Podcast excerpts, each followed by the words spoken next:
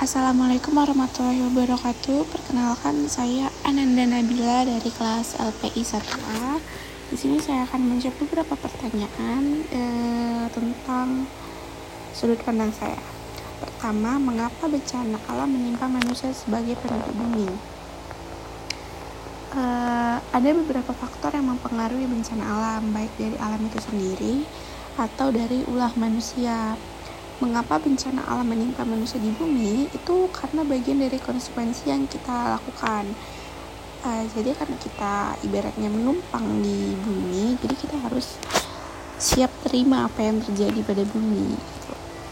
yang kedua apakah manusia bisa menolak bencana Nah, sebagai manusia, tentu kita tidak bisa menolak bencana, tetapi mungkin kita bisa mencegah bencana dengan menjaga bumi sebaik mungkin. Jadi, kita bisa melakukan pencegahan daripada uh, penolakan.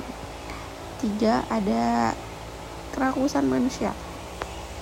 Salah satu faktor terjadinya bencana itu juga kerakusan manusia ya jadi manusia tuh banyak berbondong-bondong mencari kepuasan tanpa memikirkan akibat apa yang akan terjadi nantinya.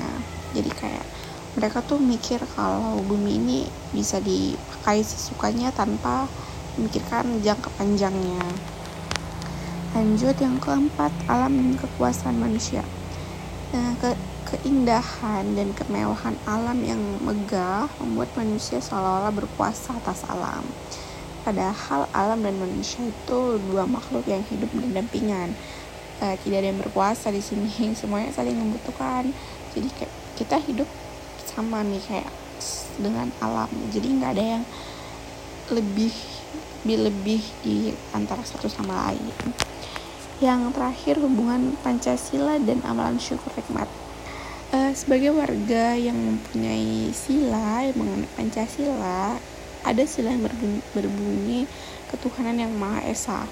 Nah, pastinya umat yang memiliki Tuhan itu uh, diajarkan untuk beribadah dan setiap ibadah pasti diajarkan untuk selalu bersyukur. Jadi uh, sebagai umat yang memiliki agama, memiliki agama, kita pasti diajarkan bersyukur.